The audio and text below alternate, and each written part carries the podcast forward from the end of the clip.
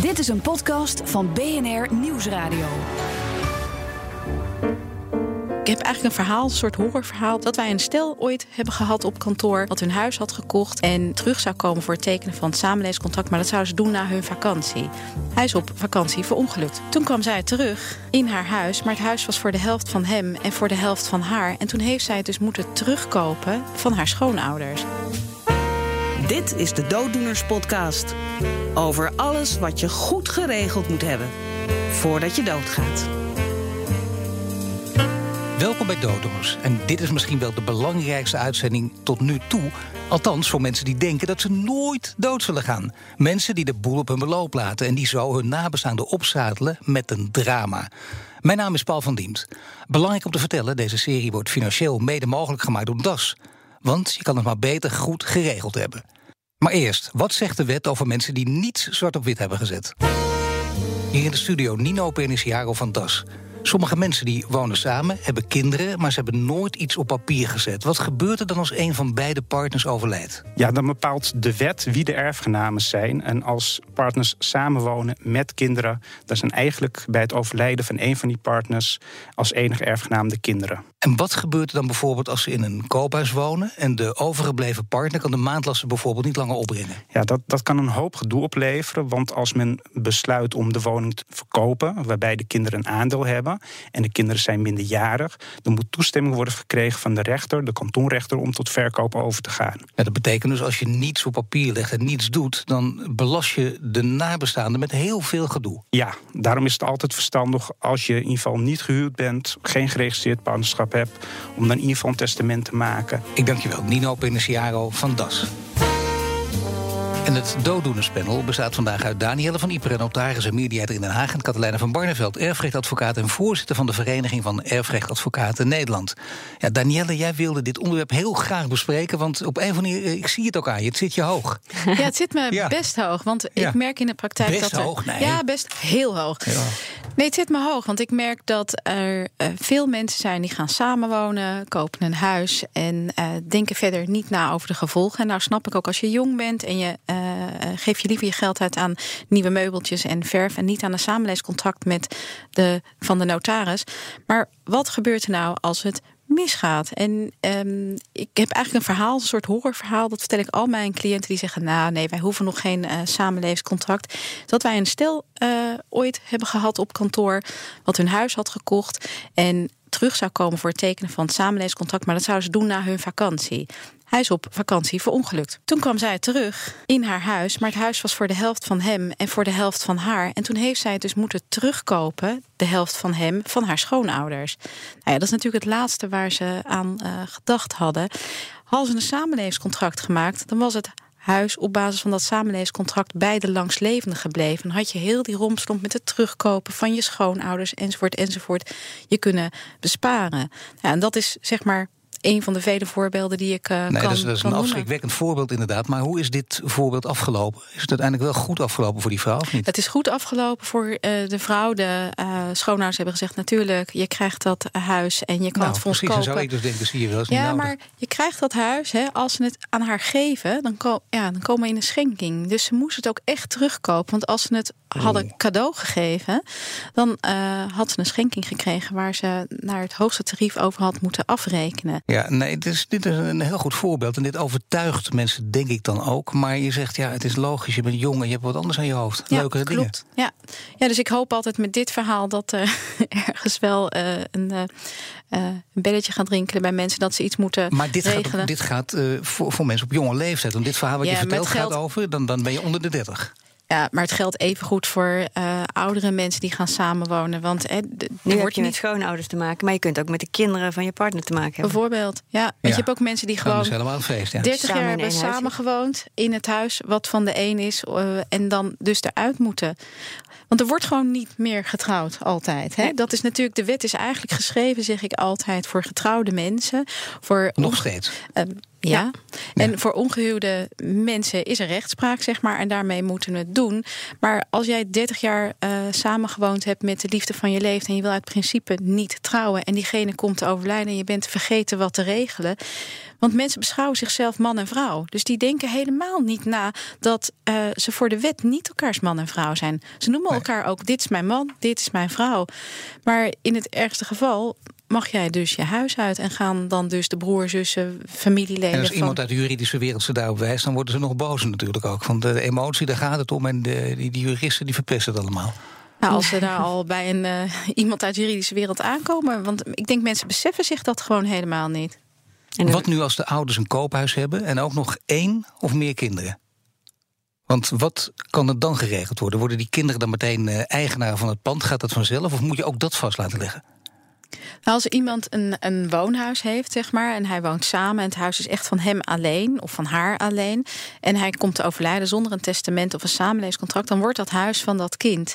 En het voorbeeld wat eigenlijk net gegeven werd, is dat uh, het huis van het kind is en het kind moet het dus betalen. En als de langslevende dat niet voor dat kind kan blijven betalen, moet je eruit. Ja, dat betekent dus wel dat uh, hoe dan ook, dat hoef je dus niet vast te leggen, dat hoe dan ook de kinderen het huis krijgen van uh, de, de, ouders. Uh, vader gaat dood, daarna gaat moeder dood, het huis is klaar. Als dat de erfgenamen zijn, wel ja. En, ze zijn, en dat, moet je, dat moet precies, dat moeten de ouders wel in het testament hebben vastgelegd. Ja. En dan is het huis wel automatisch van de kinderen. Als de kinderen de erfgenaam zijn wel. Als, de kinderen, als die man de buurvrouw tot erfgenaam heeft benoemd, dan is er weer een ander probleem. Het is wel handig om te weten, want jullie zijn er heel goed in. Hè? Een paar goede voorbeelden noemen die in dit soort zaken allemaal voor kunnen komen. En dan liefst ook, ja, hoe, niet omdat ik op negativiteit uit ben, maar toch zaken waar het misgaat. En daar leren we ook van. Nou, het, voorbeeld dat uh, een stel al gewoon 30 jaar uh, samenwoont. En dat iedereen weet dat het de partner is van je broer. Maar als je broer komt te overlijden, je erachter komt dat hij niks geregeld heeft. En toch weet dat dat huis gewoon 5 ton waard is. En um, vaak willen ze de schoonzus niet er gelijk uitzetten. Maar uh, ze zeggen wel, ja, het is ons huis. Wij moeten de belasting over gaan betalen, enzovoort, enzovoort. Dus de koude kant, uh, dus de koude kan kant, die kan het uiteindelijk uh, vergeten. Ja. En hoe zit het je met... Ja, vaak met, nou ja, in mijn situatie heb je bijvoorbeeld inderdaad de vriendin van pa of de, en, en met de kinderen, die zitten dan in één keer samen in één huis. Althans, niet letterlijk, maar juridisch gezien. En dan kan je heel erg tegenstrijdige belangen krijgen. Want die vriendin die wil natuurlijk blijven wonen. Die had plannen met dat huis. Die wil daar een kunstgalerij openen of wat dan ook.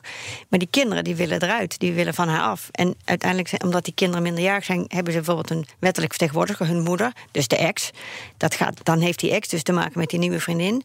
Dat gaat natuurlijk heel vaak helemaal niet goed samen. En bovendien wil de een dus gauw de tent verkopen... om dat uh, vermogen van die kinderen, die erfenis van die kinderen eruit te halen. Terwijl die nieuwe vriendin, die wil dat huis aanhouden. En dat, dat levert natuurlijk. Dus de een wil er een soort onderneming van maken, de ander wil er gewoon in blijven wonen. En dan, en, en dan, hoe kun je dat oplossen?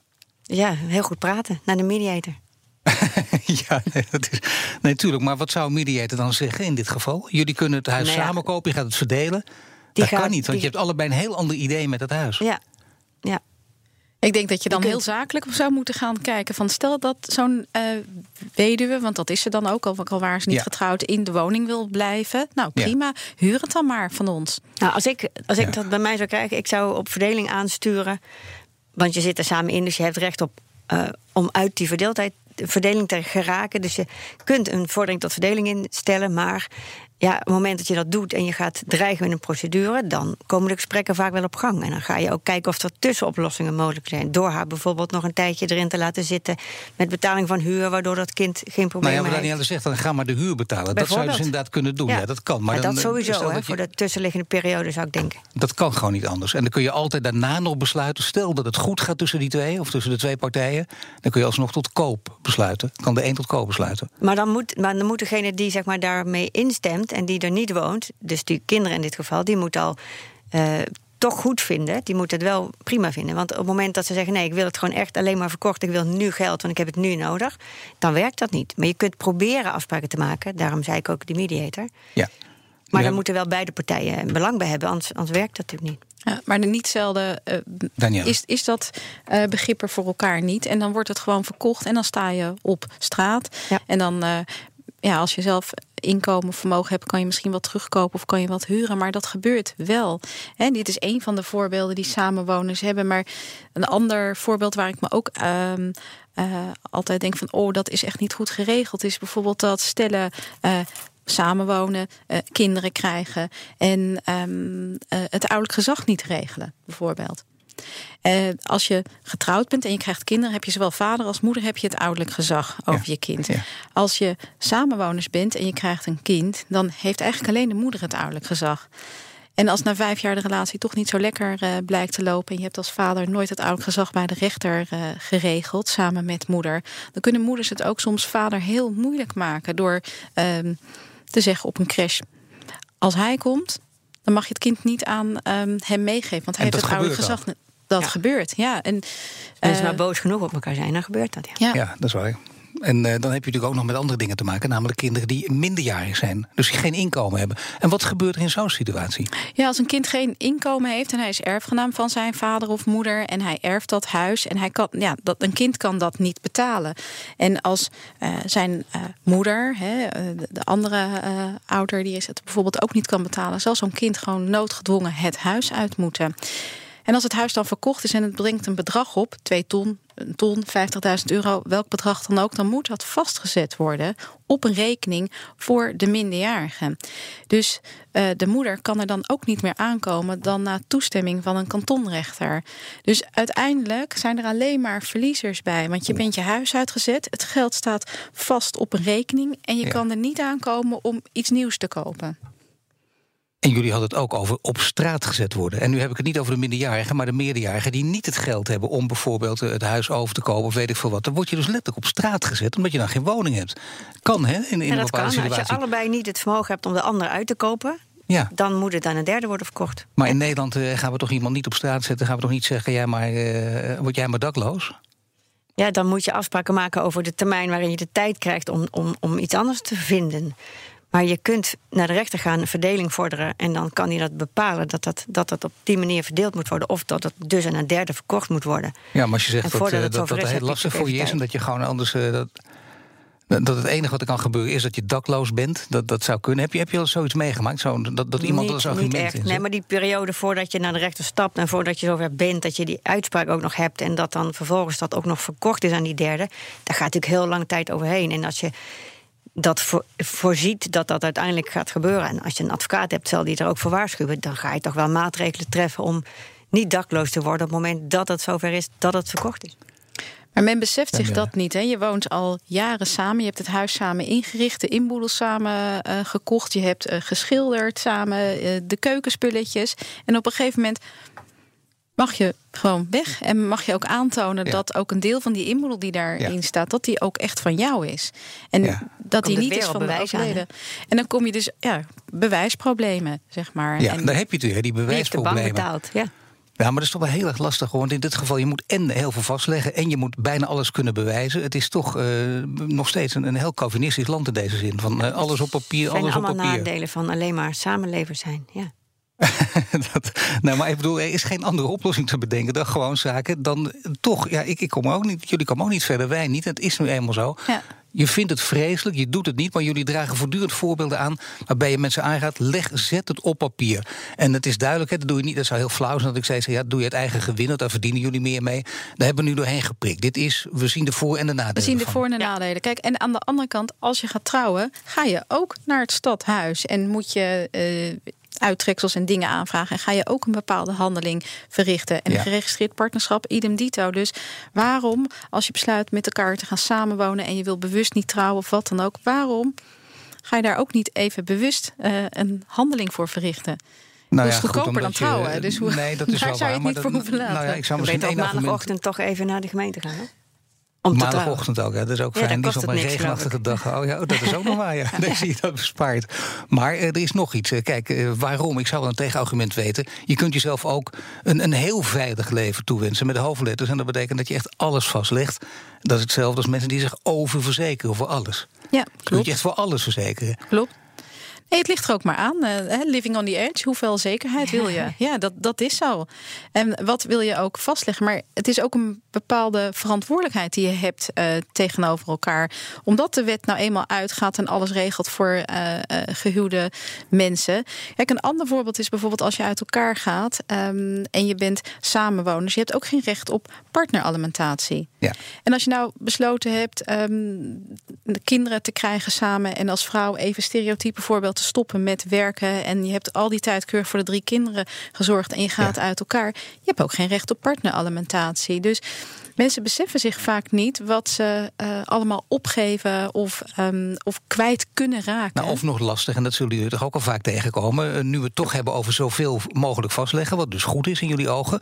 eh, dat in een relatie vaak de een daar heel erg in bedreven is. Die, dat, je, dat kan in je genen zitten. En ik hou er ook van en ik ben, je bent zo ingesteld en de ander juist helemaal niet. Ja, als je dan toch van elkaar houdt, doe het dan voor, voor allebei, zou ik denken.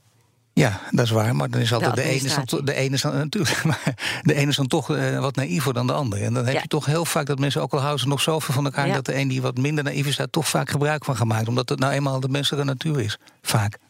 En dan Dat- loop je tegenaan. Daar- dat, dat zal altijd voorkomen. Kijk, ik kan alleen maar zeggen dat als mensen bij een notaris komen, moeten wij ons ervan vergewissen als er een contract getekend wordt van begrijpt diegene wel hoe dit voor eh, haar of hem uitpakt. Dus je wijst iemand daarop. Je zegt van nou, het kan dus zijn dat als u straks uit elkaar gaat, dat u dus echt geen rode rotcent heeft. Snapt u dat?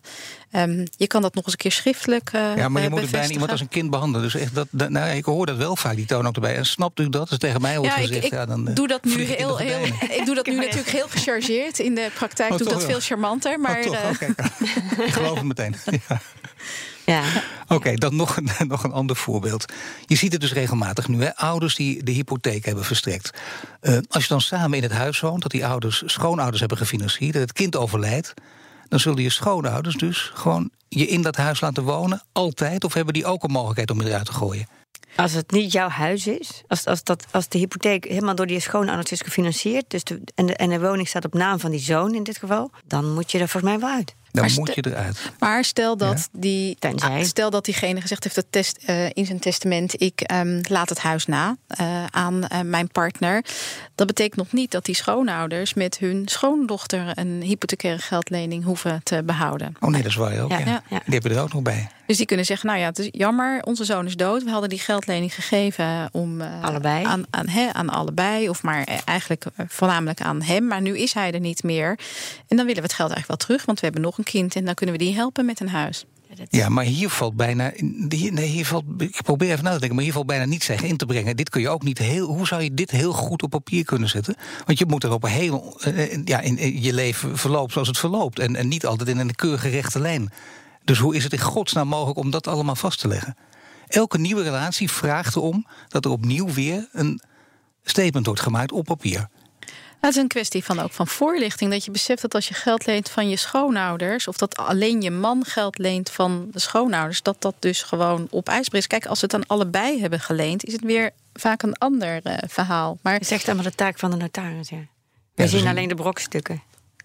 Ja, je ziet, nou ja, dat, daar gaat het eigenlijk dan om. Hè. Je ziet alleen de brokstukken. En dat zou het verhaal natuurlijk nog sterker maken. Als je, als je ook zegt, ik, ik zie dat veel vaker. Die brokstukken. Of komt het maar heel af en toe voor? Nee, het komt zeker voor. Ja. Maar, maar die kunt er dus dan. Ik, ik ben advocaat, dus dan komt het aan op wat kan je dan. Hè, juridisch zit het dan zo, op een bepaalde manier. En als je dat wil aantonen, dan moet je dat vaak ook bewijzen. Dat, dat je, maar het is, het is ook heel ongelukkig. En soms kan je er niks aan doen. Maar kun je wat voorbeelden geven van die, van die brokstukken die jij voorbij ziet komen? Nee, de situatie waarin ik net zei dat, dat je twee partijen in één woning zitten en ze komen niet van elkaar af. En dat is een hele ongelukkige situatie waar mensen dan na heel lang onderhandelen gewoon niet uitkomen. En dan stappen ze naar de advocaat en dan vragen ze wat kan ik hier aan doen. En dan kan ik alleen maar heel hard verdeling gaan vorderen en, en dat iedereen maar eruit moet. En dan, en dan worden ja, de puntjes op de i gezet qua financiën. En eh, dat is een, op, vaak een oplossing die niemand wil.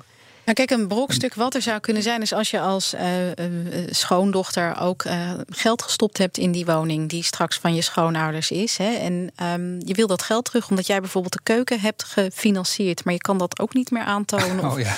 ja. Of, de, of de jij altijd geschilderd hebt. en dus echt gewoon daadwerkelijk geld van jou in, in de woning. of de zit. tuin, dat zie je, hoor je ook vaak. Dat mensen dat gedeelte voor een rekening nemen. Iets waar ze goed in zijn of wat ze leuk ja. vinden. En zelfs dat zou je dan. Dat is bijna toch te gek. Zelfs dat zou je moeten vastleggen. Geld, niet een geld uit te drukken als je altijd de tuin hebt gedaan. Nee, Misschien is de woning wat nou, meer waard daardoor? Dat weet ik niet. Het zou ook, misschien heb je de, nee, niet als je het zelf gedaan hebt, maar daar kun je toch ook allerlei professionals voor inhuren. Maar het gaat zelfs zo ver. Ik probeer het uh, niet echt belachelijk te maken, maar misschien een beetje. Uh, ik heb, ik heb de bijkeuken geregeld en dan moet ik dat ook eigenlijk laten vastleggen. Als onderdeeltje ja. van wat ik geregeld heb. Dat jij de nota ja? betaald hebt, dat het van jouw privérekening afgegaan is bijvoorbeeld. Dan heb je een bewijs. Maar soms krijgen uh, stellen geld van de ene ouder en dan stoppen ze dan in het huis van de ander, zeg maar. Of je betaalt mee aan de aflossing van de hypotheek. Maar, hè, en dan kan je het allemaal aantonen. Dus dan gaat het allemaal goed. Maar ja. ja. Op het moment dat er, dat er dus iemand overlijdt dan... dan heeft die ander ja. al dan niet een vordering. Dat is wat je dan moet aantonen. En waarmee je dus moet laten zien... kijk, ik heb die bijkeuken betaald. Kijk, hier is het bonnetje. Of de bankrekening. Er is nog één punt, uh, namelijk uh, je wil het huis verkopen, wat je geërfd hebt. En uh, twee kinderen. En dat stond keurig in het testament en die hebben dat huis. En dan vervolgens willen ze het gaan verkopen. Want uh, zegt, nou, dit huis is, weet ik wat, 4 ton waard, ieder 2 ton. Dat ligt het meest voor de hand. Maar ja, om het huis te verkopen, de een zegt, nee, belachelijk. Ik vind het 3,5 ton, het is een heel redelijk bedrag. Waarom dan, zegt die ander, die zakelijk is? Dit, dit huis is 4,5 ton waard, dus ook kun je grote ruzies krijgen. Hoe kun je dit laten beslechten door een notaris of een advocaat? Door een notaris? Dat mag jij beantwoorden. ik, ik denk het niet door notaris. Maar goed. Nou, dit gebeurt natuurlijk ook vaak in nalatenschappen. Dat ja. um, erfgenamen willen de maximale opbrengst. Dus je hebt wel eens dat, er, uh, dat iemand zegt... nou, ik wil het verkopen voor uh, dit bedrag. De ander zegt, ik wil het voor een lager bedrag. Kijk, het, op een gegeven moment zal je moeten aansturen op een oplossing. Je moet zeggen bijvoorbeeld, we laten het taxeren door één makelaar, door een ander. Of desnoods uh, ja. noemen we er drie. Uh, die laten we allemaal een verkoopvoorstel doen. En dan gaan we middelen omdat de Want, ene belang kan heb ik wil een huis snel verkopen, dus dan maar goedkoop in de markt zetten. En ja. de ander die heeft tijd genoeg en die denkt laten we op zo hoog mogelijk bedrag mikken. Ja, kijk, en dat kan soms enorm van elkaar afwijken. Maar als het bijvoorbeeld dan blijkt dat het gewoon de, de reële waarde van eh, 4 ton is, uh, ja, dan zal je als ander gewoon mee moeten gaan, denk ik. Ja, het komt heel vaak voor. Ik heb bijvoorbeeld nu een, een, een ensemble in een nalatenschap zitten... waarbij de een denkt van... nou, dan moeten we eerst projectontwikkelaar loslaten... want het, dan kunnen we het veel beter aanbieden in de markt... en dan heb je meer betere kopers ook. En de ander zegt: nee, ik wil er gewoon nu vanaf. Ik heb nu geld nodig en het maakt me niet uit hoe, welke staat het is. Ik wil gewoon dat het nu verkocht wordt. Dan heb je daar een enorm tegenstrijdig belang. Iedereen vindt iets heel anders over wanneer het moet worden verkocht ja. en voor welke prijs. Misschien wil de een het wel in stukjes en dan vindt die ander weer niet goed. Dan kom, en je komt daar werkelijk niet uit. Ja, dan kom je weer bij datzelfde artikeltje in de wet die zegt: je kunt verdeling vorderen uh, op een bepaalde wijze. En dan, en dan is het weer, ook bij de rechter krijg je dezelfde discussie. Word je de gang opgestuurd, kan je het alsnog gaan bemiddelen of beslechten. En een rechter maakt natuurlijk geen bal uit nee. hoe je het uiteindelijk verkoopt. Dus dat, belangenafweging is het dan weer. Ik dank je, Catalina van Barneveld, erfrechtadvocaat en voorzitter van de Vereniging van Erfrechtadvocaten Nederland. En Danielle van Iperen, notaris en mediator in Den Haag. En daarmee loopt deze dooddoeners op zijn einde. Maar we zijn nog lang niet klaar bij dit onderwerp. Volgende keer hebben we het over de geestelijke gesteldheid van onze ouders. Want waren die nog wel bij hun zinnen toen ze de verzorger tot enig erfgenaam maakten?